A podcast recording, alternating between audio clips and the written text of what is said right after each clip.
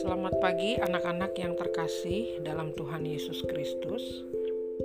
Pagi ini sebelum kita melakukan penilaian harian, kita akan mendengarkan firman Tuhan. Firman Tuhan pagi ini berjudul kesetiaan. Nats firman Tuhan pagi ini dari kitab Rut 1 ayat 16. Tetapi kata Rut, janganlah desak aku meninggalkan engkau, sebab ke mana engkau pergi, ke situ jugalah aku pergi. Tiba di rumah, Kiki bercerita kepada mamanya, Ma, Tanti masuk rumah sakit.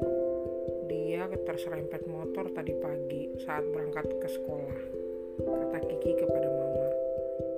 Mama turut sedikit, jawab Mama kepada Kiki. Ma, bolehkah aku setiap hari menelepon Tanti selama dia di rumah sakit?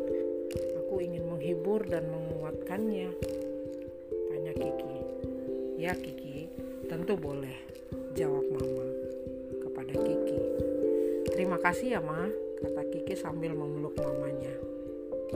Anak-anak, rasa setia kawan yang dimiliki Kiki adalah teladan yang baik. Kesetiaan adalah kunci dari persahabatan. Di Alkitab juga ada teladan yang serupa. Dalam kitab Rut yang tadi kita baca, setelah suaminya meninggal, Rut bisa saja dengan mudah meninggalkan Naomi mertuanya. Tetapi Rut memilih untuk setia kepada keluarga suaminya Kesetiaanlah yang membuat hubungan Ruth dan Naomi semakin erat. Anak-anak, kesetiaan adalah kunci memperkuat hubungan kita dengan sahabat. Kata-kata bijak pagi ini, kesetiaan adalah kunci awetnya persahabatan. Yuk, kita berdoa bersama.